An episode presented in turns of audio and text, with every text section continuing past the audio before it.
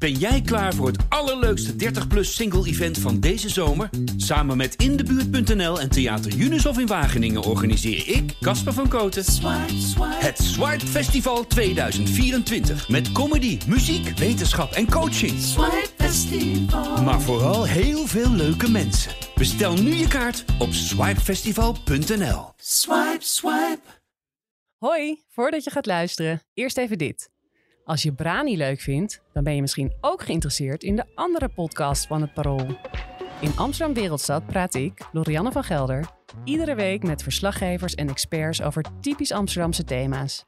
Hoe Amsterdam Noord ooit werd gebouwd als afvoerputje van de stad, waarom Amsterdammers moeten leren leven met ratten en hoe paradijsvogels uit de stad verdwijnen. Iedere dinsdagochtend hoor je een nieuwe aflevering op parool.nl. Dit programma wordt mede mogelijk gemaakt door Toto.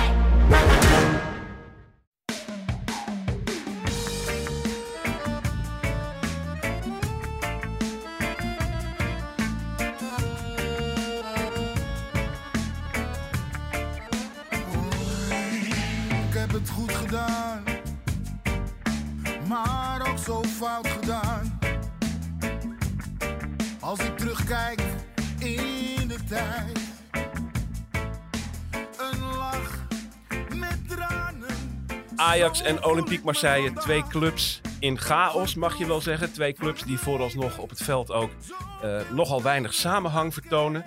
Misschien zouden ze allebei van zo'n beetje iedereen verloren hebben, behalve van elkaar. En dus werd het 3-3 in de Johan Cruijff Arena. Ajax tegen Olympique Marseille. Een spektakel was het zeker. Welkom bij Brani, de Ajax-podcast van het Parool. Eh, mijn naam is Menno Pot. En ik zit hier met twee gasten in de Johan Cruijffzaal. We hebben Parool-icoon Henk Spaan. Henk, ontzettend leuk dat je er weer eens bent. Ja, ik vind het, eh, vind het zelf ook leuk. Nou, fijn. En Bas Soeterhorst hebben we hier zitten.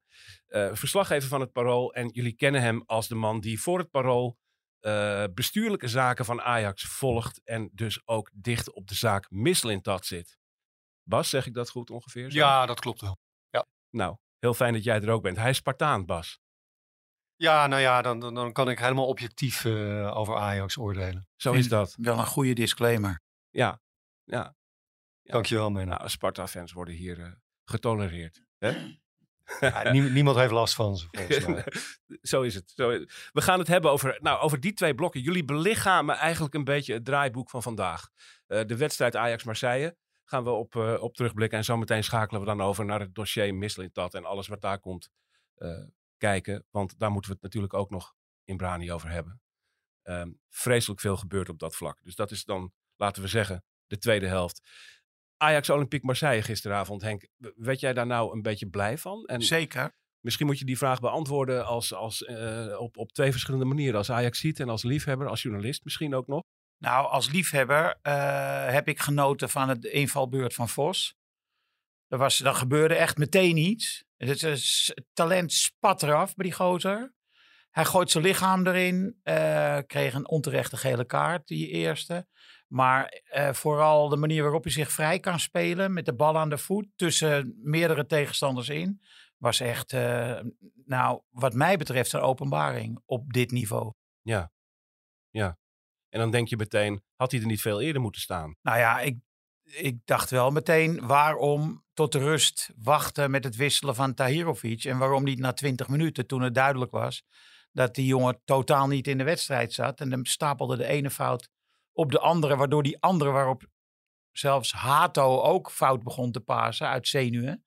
En eh, dus eh, dat kan je Stijn wel verwijten. Veel te lang gewacht met het wisselen van Tahirovic. Hey, en als, als, ehm, als Ajax ziet, dat ben je ook. Nou, ik heb een nou- seizoenkaart. Ik ben eigenlijk FC Amsterdam DWS, hè? Ja, oh ja, dat, Van de oorsprong. ook een, dit is ook een disclaimer. Dat is een disclaimer. Maar eh, ik heb wel natuurlijk al eh, sinds de opening van de Arena een seizoenkaart. En ehm, ik heb als Ajax ziet ook wel heel veel plezier gehad. Vooral van het aanvallende aspect. Verdedigend eh, viel er wel wat aan te merken. En daar hebben we meteen het understatement van deze Nou ja, ik bedoel. Nederlandse clubs vliegen er allemaal uit eh, door de omschakeling die ze niet beheersen. Dat komt omdat ze altijd op de helft van de tegenstander voetballen. En helemaal niet gewend zijn dat een tegenstander ooit eens iets terug doet. Eh, dus hier zag je het ook weer. Ik bedoel, Berghuis, beste jongen, goede paas, kan lekker voetballen, maar is een absoluut drama verdedigend. Taylor is langzaam bezig om eh, zich op te richten na anderhalf jaar eh, diep van aaneenschakeling van dieptepunten. Ja. Maar ook hij is verdedigend zwak. Dat wil zeggen, hij komt wel in de buurt van een tegenstander, maar hij blijft vooral uit de buurt van de tegenstander. Wij dachten hier, de vorige eh, editie van deze podcast, de vorige aflevering, kwamen we eigenlijk tot de conclusie dat er over de achterhoede van Ajax, dat die wel zo'n beetje staat. Met Guy en eh Soetalo, Hato en dan op links eh, natuurlijk eh, Sosa. Ja, En dat eigenlijk het denkwerk en de problemen daarvoor beginnen. ja. Maar er vielen wel hele, hele grote gaten achterin. Ligt dat dan aan zo iemand als Tahirovic en dat daardoor Soetalo onder druk komt te staan en fouten gaat maken? Of deugt die verdediging toch ook niet? nou, die backs die staan altijd heel ver naar voren. Ja. En op het middenveld geven ze dan waardeloze ballen weg. Eh, Berghuis en gisteren ook Hato en Tahirovic. Ik bedoel, eh, 50% van hun ballen komt aan. En als die backs ver naar voren staan en zij geven op het middenveld de bal weg, dan eh, is er achterin veel ruimte voor de tegenstander. Ja. Bas, kun jij iets zeggen over hoe Maurice Stijn dit soort zaken ziet? Vanuit je Sparta-verleden? Nou ja, Stijn is eh, eh, niet, niet, niet het grootste tactische brein. Hè? Dus eh, die, het is een, beetje een people's manager volgens mij. Die, ehm, eh, ja, dus, dus, dus ja, wat, wat- je nu steeds ziet is dat hij in de rust moet, moet corrigeren. En hij heeft de rust nodig om, eh, om ook dan pas in te grijpen. Ik snap ook eerlijk gezegd wel dat hij, hè, als je na 20 minuten speler wisselt, dat, dat is wel, dan maak je zo iemand wel een beetje kapot. Ja, dat zegt iedereen altijd, maar hoezo? Nou Beter ja, een speler kapot Dat, in je eh, team. gaat natuurlijk siddering door het stadion dan. hè? Ja. ja, maar wat doet dat met zo'n jongen dan? Weet je, die, die, die is ook net binnen. Dat klopt. En hij is 20 jaar. Dus we kunnen hem nog niet echt afschrijven. Want in de oefenwedstrijden was hij best goed. Maar nog even over Stijn, Menno. Kijk, de Stijn die je nu bij Ajax ziet, die is onvergelijkbaar met de Stijn die je bij Sparta hebt gezien.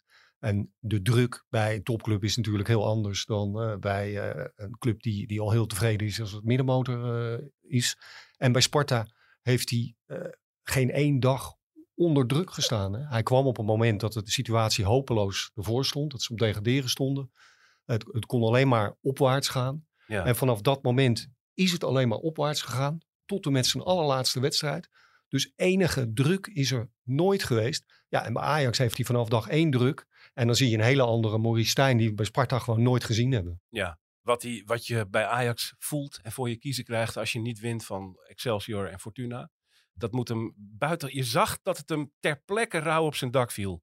Toen hij moest, iets moest zeggen na die wedstrijd. En dan zie je dat gebeuren wat je ook bij Danny Blind vroeger gezien hebt. En bij Jan Wouters. Dat die, die vieren onverschrokken voetballers. Dat die ineens echt een kop kleiner eruit zien. En ja, grimmig. Grimmig ook, denk ik. Hè? En, Altijd En, in de verdediging. Ja. en, en, en de schuld bij anderen leggen, wat natuurlijk een ontzettend zwaktebod is. En juist bij zo'n nieuwe selectie moet je denk ik voor, ervoor gaan staan als coach. En ik neem aan dat dat ook tot de kleedkamer doordringt. Wat hij, eh, dat, dat hij, als, als hij dan zegt, ja, eh, de opdrachten werden niet goed uitgevoerd. Ja. Eh, ja, dat is, dat is toch een zwaktebod. Hij eh, betrok zichzelf en de staf er gisteren wel een paar keer bij. Hè, bij het eh, mislukken van bepaalde dingen. Eh, Ja, zo ook, ook, ook Hij- bij Stijn een opgaande lijn. eh, ja, dat klopt wel. Ik denk dat ze hem dat verteld hebben. Dat denk ik ook. Denk ik ook, ja. Dat, Nou ja, kijk, ik vind, ook, ik vind het ook wat vroeg om hem af te schrijven. Hè? Want ik bedoel, er zijn drie, vier wedstrijden gespeeld. Eh, dus geef de man eh, een kans. Ik weet ook wel dat dat, dat in, in, in, in de topvoetbal een eeuwigheid is. En dat het eh, lang niet altijd zo werkt. Maar het zou wel fair zijn om hem nog even de tijd te geven. Ja. Er zijn op dit moment nog heel veel variabelen waaraan het kan liggen dat het niet loopt. Het kan aan Stijn liggen, het kan aan de kwaliteit van de selectie liggen, het kan aan de gebrekkige hoeveelheid tijd liggen die er geweest is. Het kan een combinatie van die dingen zijn. En nu kunnen we langzaam maar zeker één voor één misschien die factoren gaan afvinken en hou je dan uiteindelijk over waar het echt aan ligt. Eh, het is allemaal nog wat, wat lastig om te zeggen. En een belangrijke variabele gisteravond was natuurlijk ook Olympique Marseille. Henk, jij kijkt veel Frans voetbal. Ja, maar dit team ken ik, want eh, hun beste man Guendouzi is weg. Dus, eh, en ik heb, dit seizoen heb ik ze nog niet gezien. Maar ja, er lopen echt wel goede spelers rond. Hè? Rongier bijvoorbeeld, middenvelder, heel goed. Unai, Ouhani. Die jongen die zo schitterde op het eh, WK voor Marokko. Ja, Eh, dat is een goede speler, hoewel die van L'Equipe vanmorgen een 4 kreeg. Ik snap niet echt waarom, want hij schoot twee keer echt gevaarlijk op goal. Eh Aubameyang, ik bedoel, jemig, eh hij is op zijn retour, zeiden ze. Maar ik denk niet dat Gorter er zo naar heeft gekeken, naar dat retour. nee. Nee. Nee, kwam toch nog wel redelijk voorwaarts. Ja. Ja, dus je, je- want ja, het is natuurlijk een beetje de vraag ook dat, dat Olympiek zit in crisis. Eh, de trainer is daar twee dagen voor de wedstrijd tegen Ajax opgestapt. Ja. Onder, onder dreiging van de harde kern heeft het Ja. bestuur zichzelf min of meer op non-actief gesteld. Eh, het is daar eh, ja, turbulent, net zoals het in Amsterdam is. Nou, niet net zo hoor. Want die harde kernen van Marseille en bijvoorbeeld Lyon, die zijn iets dreigender dan gelukkig de F-side. Ja. Dus echt turbulent. Nee, ja. Want weet je nog dat ongeveer een jaar geleden hebben ze toch het trainingsveld bestormd in Marseille. Toen eh, moest er ook weer een trainer weg, ik weet niet wie, maar eh, toen zijn er gewoon een paar honderd man eh, in- op het trainingscomplex binnengekomen. Ja. Nou, dat is redelijk dreigend. Maar denk jij dat. Heeft Ajax zich nou gisteravond overeind gehouden tegen een Franse topclub? Of is dat voor dit Nee. Marseille toch te veel eer? Nee, het is niet een topclub. Qua naam wel. Maar ik denk dat ze zondag gewoon eh, verliezen van Paris Saint-Germain en Dick ook. Ehm, en je zag ook wel bij hen dat er eh, de chaos die er bestuurlijk is, net als bij Ajax, die zie je op het veld ook. Want zij eh, hadden ook niet zo goed in de gaten dat je terug moet als een tegenstander de bal heeft. Nee. Echt, een- echt een bizarre hoeveelheid fouten. Ja, Waarbij zo ongeveer elke bal voorwaarts eh, eh, een, een dikke kans inleiden. Ja, en eh, de- denk jij Henk dat, dat Feyenoord daar dan eh, enorm van gaat profiteren zondag? Nou ja, eh, dat is echt heel moeilijk te zeggen. Feyenoord heeft Stenks. Dat is op dit moment de verreweg de beste nummer 10 van de eredivisie. En die moeten ze uitschakelen. En ik weet niet zo goed wie dat zou moeten doen. Maar dat is echt een gevaar. En verder eh, is het meer een ploeg. Eh, maar achterin zijn ze ook natuurlijk niet supergoed met die, die in Rotterdam enorm gelauwerde Trauner en Hansko. Maar als je daar Ajax heeft drie, nu drie hele snelle aanvallers. En ehm, ja, als, in mijn ogen moeten ze gewoon veel meer op de counter spelen. Dat deden ze gisteren al een beetje. Want dan kan je gebruik maken van de snelheid van die gasten. Het is echt een beetje ongewis. Feyenoord heeft wel meer kans. Ik zou 70-30 zeggen. Maar eh, je kan niks uitsluiten. Nee, Ik, want ik, ik denk ook dat Stijn eh, op dit moment ehm, verdedigender kan spelen. Omdat het publiek dat onder de, in deze situatie zal accepteren. Ja, Ja. ja. En het zit hem wel in zijn genen. Ja, hij, heeft de een neiging ja, voor zekerheid te kiezen. Ja, ja, bij Sparta werd er ook hè, vanuit, vanuit de defensie. En dan, en dan het was een heel simpel concept waarbij Olij een lange bal gaf op, Op die. Lauritsen. ja. Of En, een enorme slungel. En eh, die goed kan koppen. En dan hoopte je dat zijn kopbal bij eh, Van Krooij of eh, de, die Japanner kwam op links. En dan, en dan gingen ze bouwen. En dat, dat, dat was de tactiek van Sparta. Meer was het niet. Ja. Serieus, echt. Elk, elke aanval. Wij in Amsterdam denken dan aan Martin Jol terug. En niet alleen omdat hij Hagenees was, maar ook vanwege dat concept. eh, eh, lange bal, schiet hem maar naar Suarez en die doet wel iets. Nou ja, ik, ik hoop dat Maduro eh, heel veel eh, tactisch rugzak eh, met zich meebrengt. Want Stijn kan het denk ik wel gebruiken. Ja, maar waarom die bek staan de hele tijd eh, gewoon naar voren sprinten zonder om te kijken, dat weet ik ook niet. Dat zal, dat zal ook wel opdracht zijn. En je kan niet met twee backs voortdurend bij de cornervlag staan. Dan krijg je problemen. Bijvoorbeeld bij corners. Concreet, is het terecht en goed dat Guy op dit moment speelt in plaats van Rens? Eh, dat denk ik wel, want Rens is ook super onzeker. Eh, maar het, eh, de oplossing, ja, ik zou zeggen, haal in december regeer lekker terug voor 4 miljoen. Want dat is, dacht ik, de transfersom die ze hebben afgesproken met Twente. Want die is echt wel beter dan zowel Rens als eh Gaai, de Gaai. Ja, Bas, Bas de Gaai. De Gaai, ja, de Gaai Fortman. Eh, ja, en eigenlijk was hij dat vorig seizoen ook al. Ja. Dat is het gekke. Ja. Ja. Ja. Oké, dus Guy mag daar even eh, blijven staan. Hoe vond je het voorin met, met, met name Forbes? Heel goed. En kijk, er is natuurlijk op Michelin-Tat een eh, enorme modderschuit leeggestort. Maar dit lijkt nu echt wel, want op het hoogste niveau. Hè? Ik heb L'Equipe vanmorgen gelezen. Die eh, geven Forbes de, het hoogste cijfer met Taylor samen. Wat had hij? Zeven, maar dat is voor L'Equipe echt hoog. Ja, ja. Taylor ook. En eh, ze roemen hem ook door, eh ja, maakt natuurlijk die, die goal heel goed af. Als hij nog in Europa twee of drie van dit soort wedstrijden speelt, dan is die hele transfersom er met het grootste gemak uit. Dus, eh, en hij was ook in de combinatie goed. Ehm, hij gaf nog een hele goede assist op Taylor natuurlijk. Ja. Hij had nog een steekbal eh, waaruit net geen goal eh, kwam. Dus nee, die, die, die was echt goed. En dat is voor rechts, de rechtsvoorpositie op dit moment de oplossing. Nou, dat lijkt me wel. Ja. ja.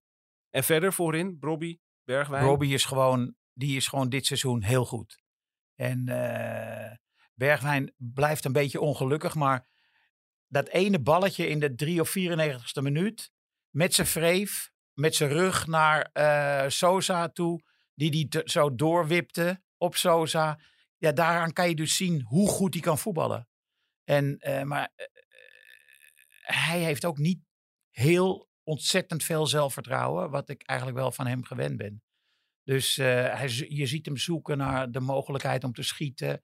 Maar hij had die, die, die kans had hij natuurlijk wel mogen afmaken. Ja. Ho- Hoewel die gozer, die keeper van Marseille, die stopt een bal die hij waarschijnlijk nooit meer zal stoppen. Maar eh, Stevie deed echt op intuïtie, schoot hij, maar hij, hij, hij dacht niet na of hij schoof hem niet, laten we zeggen, eh, over de grond in de, de verre hoeken in. Dat deed hij allemaal niet. Hij pof, die bal die kwam en hij nam hem. Vliegt hij erin, dan is het 4-2, dan win je die pot. Ja, makkelijk. Ja. Dus, eh, eh, eh, ja, dat Maar dat kan je ook over de kansen van Taylor zeggen. Hè? absoluut. Drie keer alleen voor de, voor de goal. En je kunt het ook zeggen over de kansen van Marseille. Want laten we dat niet vergeten, die waren er ook. die, het had ook heel goed de andere kant op kunnen, eh, Ja, rollen. kunnen rollen. Ehm, er werd over deze wedstrijd wel gezegd dat het de lammen tegen de blinden was. Een soort van twee gemankeerde ploegen die tegen elkaar een verrukkelijk foutenfestival eh, uit de grond mochten stampen. Eh, is dat zo? Was dat het? Of zat er toch meer verhaal in dan dat? Nou, dat vind ik wel. Ik vond Ajax gewoon beter dan, eh, dan tot, nu, tot nu toe. En ja, die Vos die brak echt door. Voor onze ogen. Ja, evenals Forbes. Dus, maar als je dus kijkt, je hebt Hato, die gisteren niet zo goed speelde, maar eh, die is 17. Vos is 18.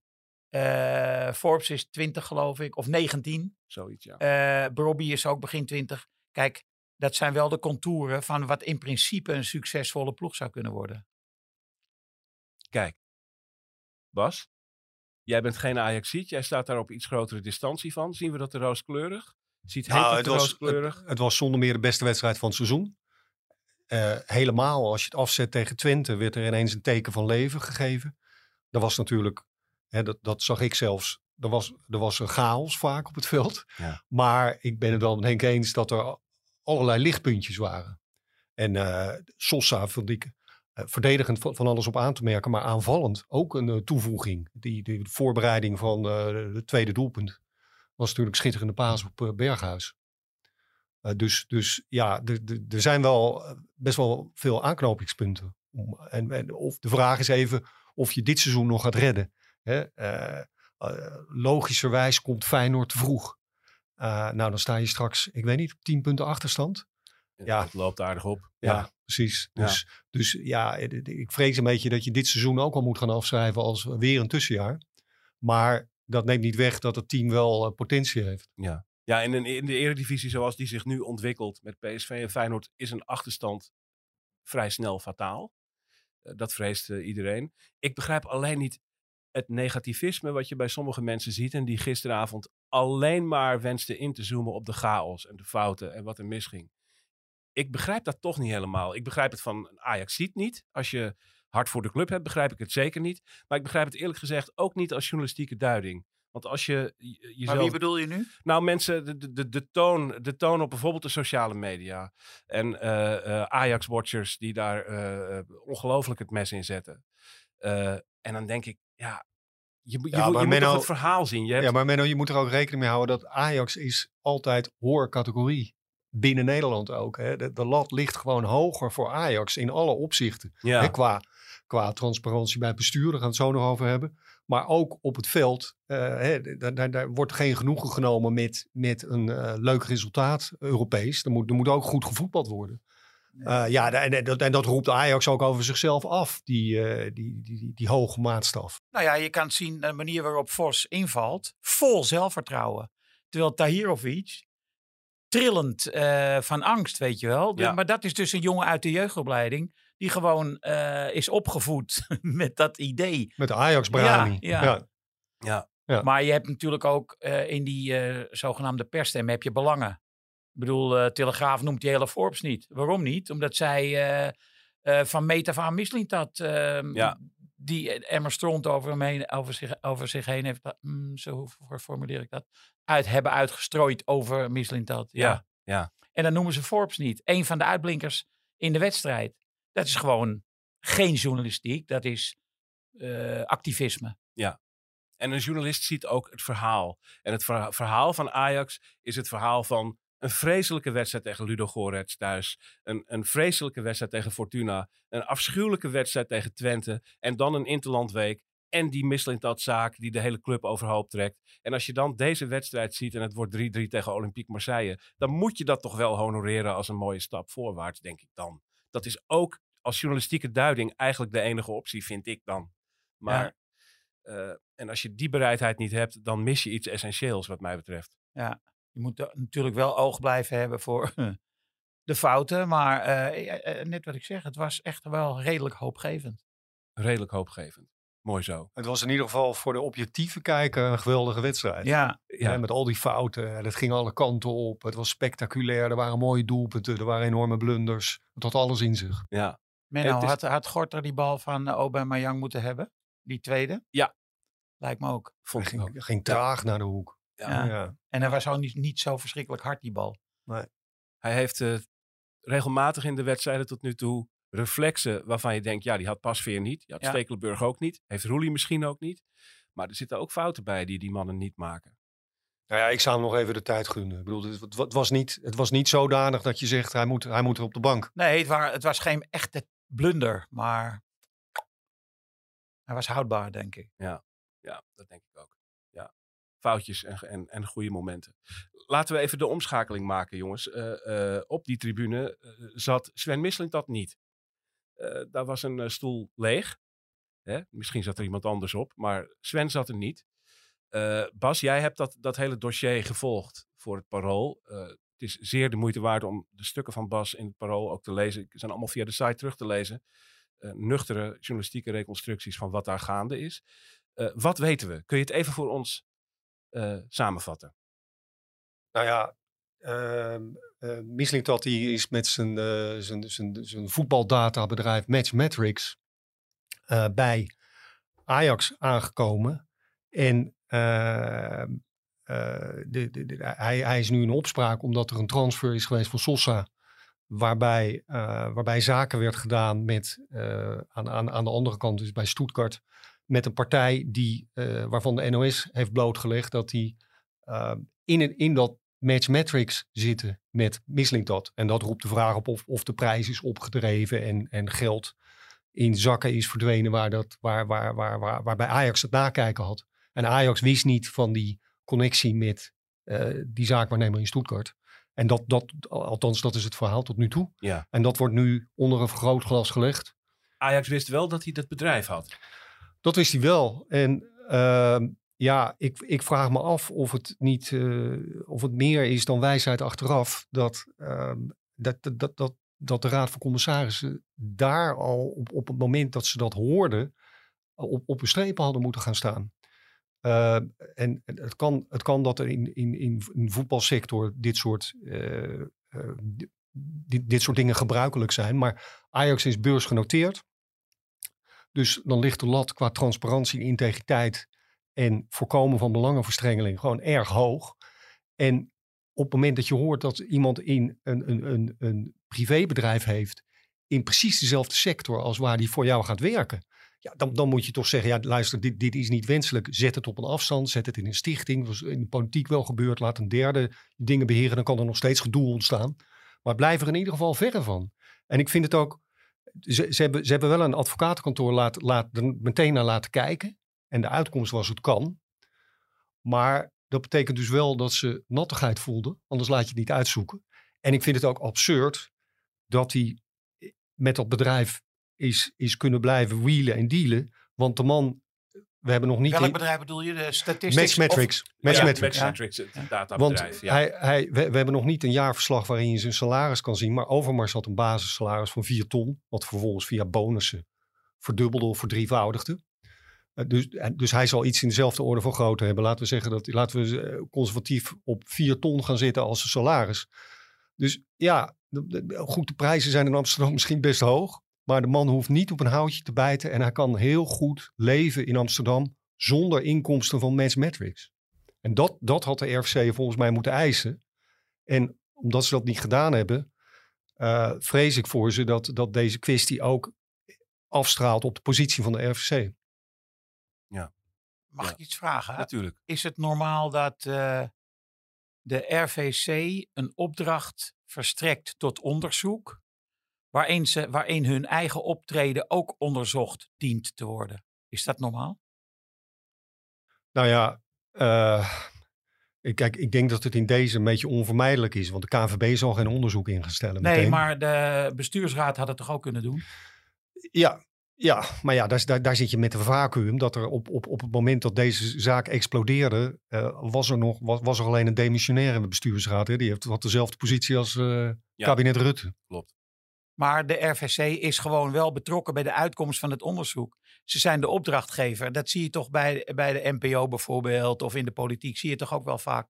Dat als een betrokkenen opdrachtgever is, dat er dan een rapport uitkomt dat misschien eh, sommige zaken een beetje verdoezelt. Ja, nee, maar dat, dat, dat zal best kunnen. Dat zal best kunnen. Maar tegelijkertijd vraag ik me af, even, even los van wat er uit het onderzoek rolt. Hoe houdbaar is de positie van Mislintat nou? Hè? Een technisch directeur die niet in het stadion mag komen. Dat is toch, weet je, dit- je, je- je Ja, bent, ze je hoofdredacteur. Nee, je bent ze- hoofdredacteur en je zegt, ja, je, je mag blijven functioneren, maar je moet je even niet met de krant bemoeien Nee, de maar ze komende zijn gewoon bang voor eh, gedoe met supporters en zo, uitfluiten, dat soort dingen. Dat kunnen ze natuurlijk niet, niet gebruiken op zo'n avond. Is dat een wonderlijke besluit wat daar genomen is? Pierre Eringa eh, sprak op de algemene ledenvergadering afgelopen woensdag. Eh, en eh, dat verscheen allemaal direct real-time ongeveer op internet. Ajax heeft ervoor gekozen om Sven Mislintat te laten werken. Hij doet zijn werk, maar verschijnt niet in de media, niet op de tribune. Is, het, is dat een gebruikelijke constructie? Is dat een rare constructie? Ik weet het eigenlijk niet. Of hadden ze hem op non-actief moeten stellen? Nou ja, er is geen draaiboek wat je uit de kast kan pakken. Maar een non-actief, op non-actief stellen voor een snel onderzoek. Dat was denk ik wel de beste, de meest duidelijke oplossing geweest voor iedereen. Dan moet je wel snel onderzoek doen. Hè? Dan moet je niet... eh, kijk, ik vrees... Niet maanden. Nou ja, ik vrees dat het, dat het, dat het inderdaad maanden gaat duren. Hè? Want nu is gezegd, ja, minimaal vier weken en, en misschien meer. Nou ja, ik weet dat er over vier weken gaan. Kijk, zo'n zo'n consultantbureau, die zal het juridisch dicht willen timmeren. En die wordt natuurlijk bedreigd met claims van de andere kant. Dus die, die zal dan geneigd zijn om nog, nog eens twee weken, nog eens twee weken te nemen. En Ja. zijn ook financieel En- gewoon, en- en dan eh, nadert hebben, het- hebben belang bij eh, hoe meer uren, hoe beter. Hè? En dan nadert het volgende transferwindow. En Mislintats handelen wordt onder een vergrootglas gelegd. Door alles en iedereen. Zijn verleden wordt helemaal overhoop gehaald. Kan je onrechtvaardig vinden, maar zo werkt het nu. Ja. Ja, en daarmee is, is, is de man vleugellam, is mijn, eh, mijn idee. Dus een onhoudbare positie. Ja, en het de enige, vol- volgens mij is het, gaat om financiën nu. En Mislintat zal de eer niet aan zichzelf houden, want die wil, eh, da- da- da- da- die, Afkoop. Die, wil, die wil afgekocht worden. En, en, en daar, eh, daar zal de oplossing liggen, denk ik dan. Ja. En, die, en de RVC? Ja, dat is de volgende inderdaad. Want eh, ik kan me voorstellen dat de vereniging Ajax, eh, wat ik heb begrepen, eh, waren de messen best wel een beetje geslepen afgelopen woensdag toen Eringa de vereniging toesprak. En de vereniging is in feite, hè, dat zijn 800 leden van de amateurtak, maar die eh, representeren Ajax in de, op papier in ieder geval in eh, aandeelhoudersvergaderingen en, en zijn groot, groot aandeelhouder, dus kunnen de koers bepalen en ook bepalen wie er in de raad van commissarissen zitten. Dus als die, als die uit zijn op bloed, dan kunnen ze het krijgen. Ehm, ja, en, en ja, ik kan me voorstellen dat ze bij de RVC niet zeker zijn van hun positie op dit moment. Eh, voor, de, voor de goede orde, eh, eh, commissarissen kunnen aangesteld worden en weggestuurd worden door aandeelhouders. Dat is hoe het, hoe het werkt. En de vereniging Ajax is groot aandeelhouder. Die heeft 73% van de aandelen in handen. En heeft dus in de praktijk in alles veto en fiatrecht als het om dat soort zaken gaat. Dat is hoe het werkt. Ja. En daar staat, nou ja, op zijn gezegd, spanning op de lijn. Nou ja, en het grote probleem natuurlijk is ook dat, kijk, deze kwestie as such is al een eh, bestuurlijke crisis. Niet meer, niet minder. Daar komt dan bij dat je geen volwaardig algemeen directeur hebt. En daar is ook van alles over te zeggen hoe dat, hoe dat heeft kunnen ontstaan. Ja. Dat je geen volwaardig functionerende algemeen directeur hebt. Verantwoording van de RVC. Ja, ook. Ook. Ja. Ja. Zeker. Kijk, eh Pierre Eringa is in maart eh, van dit jaar aangetreden. Op dat moment eh, was er al een, eh, duurde het al eindeloos, eh, speelde Ajax al eindeloos zonder technisch directeur. Dus je kan hem echt niet alles, al- alles aanwrijven wat er nu mis is. Ehm, maar ja, hij heeft er wel mee te dealen. Ja. En de aanstelling van Alex Kroes als algemeen directeur, die pas in maart gaat, gaat, volwaardig gaat functioneren, is onder zijn verantwoordelijkheid gebeurd. En hetzelfde geldt voor de, de aanstelling van Mislintat. Dat was in april. Mijn eerste gedachte was, eh, toen ik deze chaos zich, zich zag ontvouwen, eh, als, als eh, leek en voetballiefhebber, is het niet heel erg in het belang van Ajax dat die cruise eerder begint, dat hij zo snel mogelijk begint en valt zo'n concurrentiebeding, want dat is het in feite, daar is hij aan gebonden. Hij mag niet bij Ajax aan de slag, omdat hij dan te kort geleden bij AZ ook gewerkt heeft. Eh, kun je daar nog onderuit of, of eh, ligt dat vast? Valt zoiets af te kopen? Nou ja, het ligt vast, maar natuurlijk kan Ajax met een, met een buidel geld eh, dingen in beweging brengen. Ik, ik, laat me vertellen dat Kroes op het standpunt staat, een man een man, een woord een woord. En dat hij heel erg graag op een goede manier afscheid wil nemen van AZ. Wat ja, prijzenswaardig is. Eh, en, en dat dat in de weg staat aan een snelle oplossing. Anderzijds kan ik me toch voorstellen dat als je een klemmend beroep doet op Kroes vanuit Ajax en zegt, luister Alex, de club staat in brand. Ja, dan, dan zou ik ook geneigd zijn om te denken dat hij iets eerder toch zou moeten kunnen beginnen als je, een, als, je als club vervolgens een gebaar maakt naar AZ. Wie weet. Financieel gebaar. Dat lijkt mij het meest logische. dat is Ja. meestal de taal Of die zoals iemand zei, wordt. met de pet in de hand naar Alkmaar. En, maar, nog even over de RFC. hè. Moeten we nederig naar Alkmaar? Is- Maar nog even Vinden ze heel erg leuk daar. Maar wat, wat ik nog wel afvraag bij de RVC, hè, Mislintat heeft een aantal aankopen gedaan. eh, waarvan je eh, gisteravond hebt gezien dat, er- dat er best muziek in zit. Eh, maar het zijn er wel veel. En voor veel hetzelfde type speler, denk ik, die, die, nog, die nog niet gearriveerd is. Waar, waar Mislintat van hoopt dat die zich ontwikkelen en dat je die voor veel geld kan doorverkopen. Wat een hele goede redenering kan zijn. Alleen de hoeveelheid van dat soort spelers eh, die, die zijn aangetrokken, maakt dat er, dat volgens mij een disbalans is nu. En ik, ik vraag me af of als Danny Blind nog eh, technisch commissaris was geweest bij Ajax, eh, zoals vorig jaar het geval was, en de, toen is de, de, de transfer van Ocampos geblokkeerd. Ja. Of er dan niet vanuit de RVC meer weerwerk was gekomen tegen Mislintat. Want die had de afgelopen maanden toch de sleutels in handen. Dat is een sleutelkwestie. Eh, Je kunt dat op twee manieren uitleggen, denk ik. Je- kunt zeggen dat hij misbruik heeft gemaakt van een vacuüm. Dat wordt de- door de kwade, eh, de kwade tongen beweerd op dit moment. Je kunt ook zeggen dat hij zich zonder enige handreiking moest zien te redden. En de, de taak had om een elftal op te bouwen terwijl de stevigheid om hem heen er niet was. Nou, en, Dat het is de- en het scoutingsapparaat met elkaar niet meer door één deur kon. Precies. Dus daar kon hij niet naar luisteren. Nee. Wat dat betreft had hij ook gewoon een hele lastige taak. waarvan ik toch ook geneigd ben om te denken, dat heeft hij eigenlijk ook weer niet zo slecht geregeld allemaal. Eh, ik weet dat zijn gedachte ook is dat die spelers, ehm, bijvoorbeeld ex-spelers als Donny van der Beek en Hakim Ziyech terughalen. Daar is Mislintat in het algemeen geen voorstander van. Omdat hij dan ook zegt, dat zijn mannen die eh, de afgelopen jaren weinig gespeeld hebben. Die daar tegen een heel dik salaris zitten. Dus voor hun is Ajax financieel alleen al een stap terug. En is dat eigenlijk een beetje een vervolgstap na een desillusie. Hij wil mensen die in een opgaande lijn zitten en voor wie Ajax een unieke kans is. Zo'n Akpom bijvoorbeeld, die als een groot talent gold. Daarna op een zijspoor is geraakt met allerlei verhuurconstructies die een beetje zijn carrière hebben lamgelegd. Dan komt hij in die championship, maakt 28 doelpunten. En dan is Ajax zijn mogelijkheid om alsnog de stap naar de top te maken. Zulke verhalen wil hij. Dat mensen eh, eigenlijk optimistisch en strijdbaar een stap vooruit kunnen zetten. Vind ik plausibele gedachten, toch? Eh, zeker. Eh, ik was heel blij dat hij van de bomen kocht voor niks. ja, Alleen Stijn die, heeft tot nog toe veel liever Tahirovic daar opgesteld. ja. Dat vind ik dus gek. De maar goed, dat is, dat is ook een aankoop van eh Mislintat. Dus eh, in dat opzicht kan je niet van politieke keuzes spreken. Maar eh, ja, ik zou altijd van de bomen neerzetten. En Van de Bomen is er meer eentje van het type Lasse Schöne. Eigenlijk een goedkoopje. Ja, Waarvan je kunt zeggen, als het niet lukt, val hier er ook geen buil aan. nee, zeker. Al- En als ik hem nu was, zou ik in de winterstop gewoon vriendelijk vragen aan Ajax om terug te mogen gaan naar Frankrijk. Hij kan zo bij een club of zes terecht hoor, maak je geen zorgen. Ja. En dat zou jij een heel tragisch verlies vinden. Ja, dat zou ik jammer vinden, want eh, ja, h- hij was zo goed in die eh, oefenwedstrijden.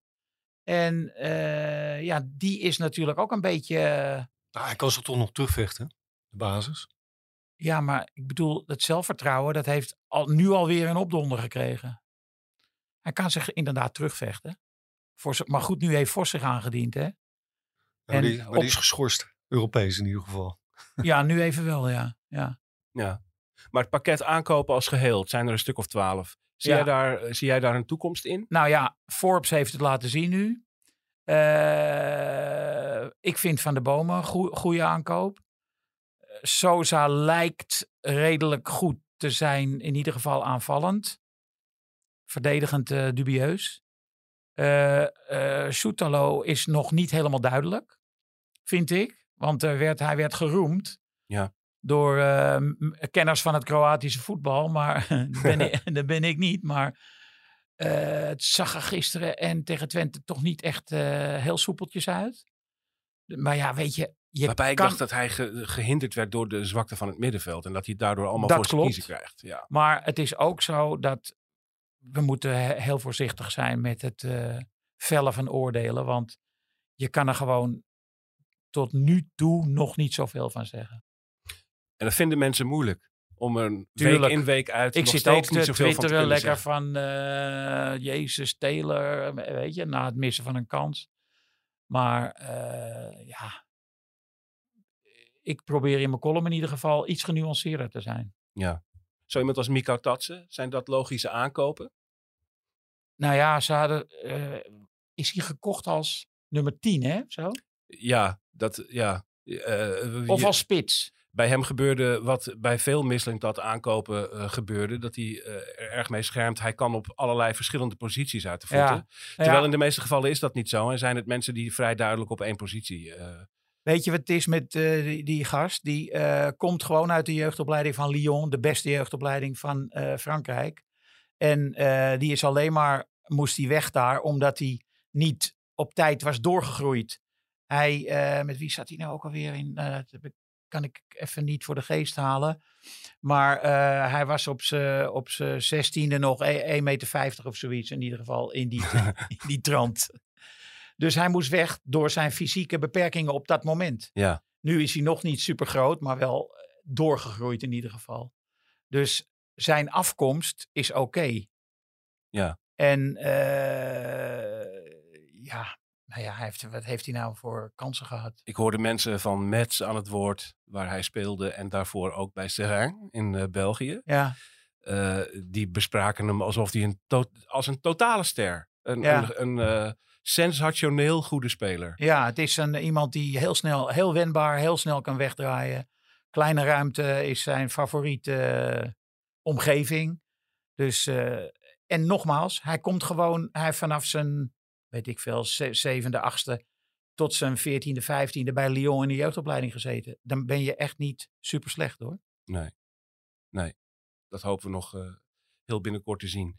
Ehm, en zijn er, zijn er aankopen bij waarvan jij het nu al denkt, dat is het niet? Durf je dat al te concluderen van sommige mensen? Nou ja, niet nadat ik net heb gezegd van, eh, dat je een beetje eh, moet, voorzichtig moet zijn met dit soort dingen te zeggen. Maar ja. Ja, die Deense rechtsback, dat is natuurlijk geen wonderspeler, lijkt mij. Terwijl die toch wel een paar keer ook in eerdere wedstrijden goed doorkwam op de rechterkant en zo. Maar bijvoorbeeld die keeper die die gekocht heeft, wie weet, Ja, die hebben we nog nooit gezien. Dus eh, ja. ja, daar kan je niks van zeggen dus. Zou een keeper, keeperwissel een optie zijn op dit moment? Denk het niet. Want eh, behalve dat hij dus gisteren weer een foutje maakte, Gorter, houdt hij ook echt eh, moeilijke ballen. Van dichtbij op hem afgeschoten, redelijk harde schoten houdt hij. Gisteren tikte hij er eentje over de lat die eh, voor hetzelfde geld erin had kunnen gaan. Nou ja, ik zou niet, ik eh, want dan, dan is hij echt verkocht, kapot. Ja. Als je hem nu wisselt. Dus daar, daar voorzichtig mee zijn. In de andere wedstrijd in de groep van Ajax wint AEK Athene zeer verrassend van Brighton en Hove Albion. Ja. Is dat nou goed, gunstig of niet? Ik denk het wel, want Brighton is in principe de beste ploeg. En, eh, maar ja, iedereen is gek op Brighton, ik ook. Het is een aanvallend geweldige ge- ploeg, maar West Ham heeft er ook gehakt van gemaakt hoor. Met 4-1. Eh, door gewoon op zijn moois verdedigend te spelen. Nou ja, dat zal Ajax natuurlijk nooit doen, maar dat is wel de manier om, eh, om Brighton aan te pakken. Ja. En AEK, is dat dan toch... Ik heb niet gekeken, ik weet niet hoe die gespeeld hebben. Nee, nee, dat is dan een beetje de, de ploeg waarvan Ajax hoopt er twee keer van te kunnen winnen.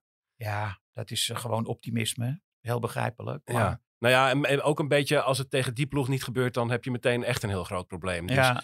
eh, die zes punten heb je eigenlijk nodig om überhaupt te kunnen denken ergens Ja. aan. Ja. Eh, en in die zin is het dan toch ja, hè, ook wel weer lastig als het dat AEK weer goed blijkt te zijn. Maar Ajax kan uit natuurlijk makkelijk van Marseille winnen. Hè? Met eh, op deze manier de voorhoede te gebruiken. Gewoon in de diepte aanspelen en eh, hard, hardlopende voorhoedespelers. Dat is te doen. hey Bas, zondag Ajax Feyenoord. Ja.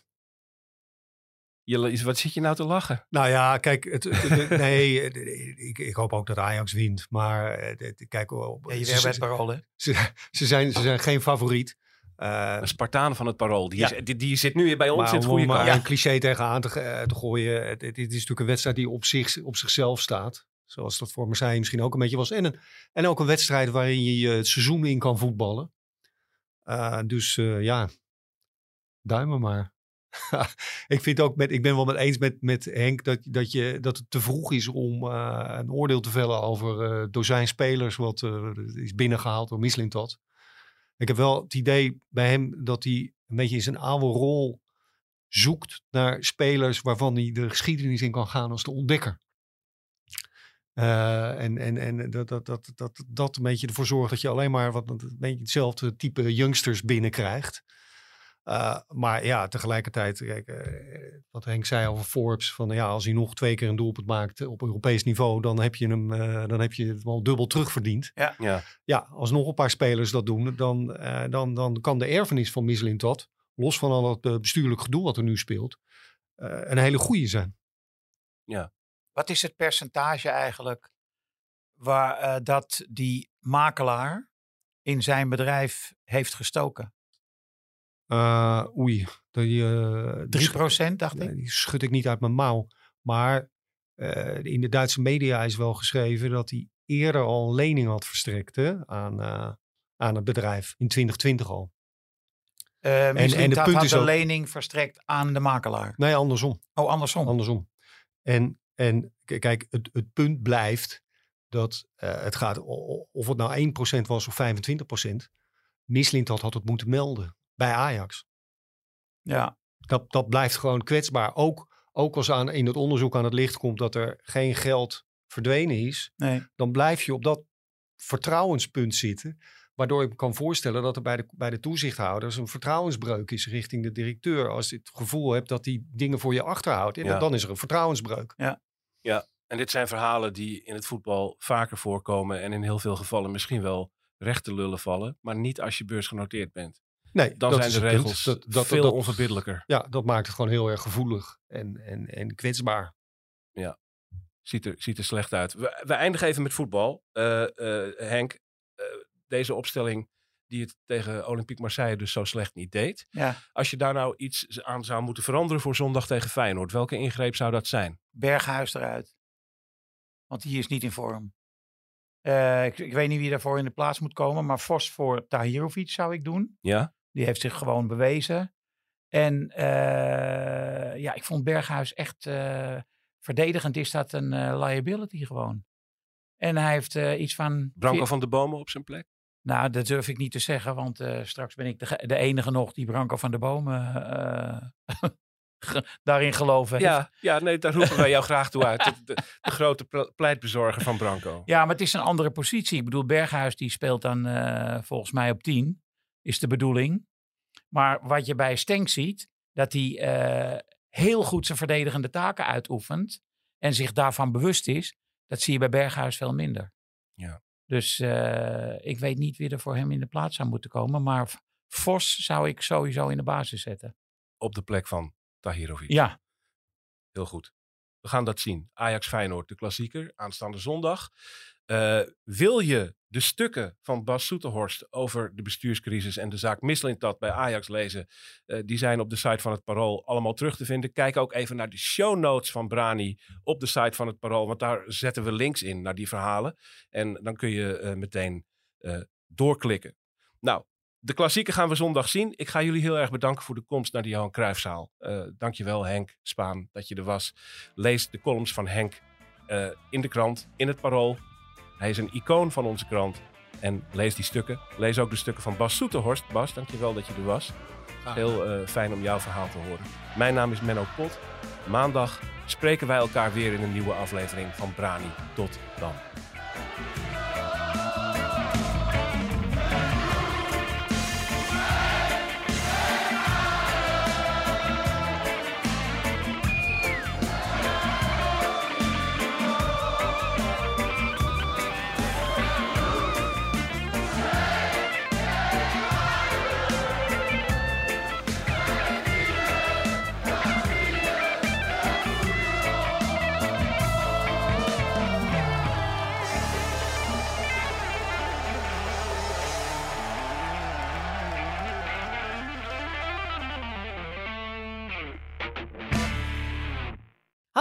Ik ben Camilla Leupen, hoofdredacteur van Het Parool. Heb je genoten van deze podcast? Dan vind je onze artikelen misschien ook interessant. Een abonnement heb je al voor een paar euro per week. Je kan het ook eerst een paar weken proberen. Ga naar parool.nl slash podcastactie voor een actuele aanbieding. Dag! Ben jij klaar voor het allerleukste 30-plus single-event van deze zomer? Samen met Indebuurt.nl en Theater Unisof in Wageningen organiseer ik, Casper van Koten, het Swipe Festival 2024. Met comedy, muziek, wetenschap en coaching. Maar vooral heel veel leuke mensen. Bestel nu je kaart op swipefestival.nl. Swipe, swipe.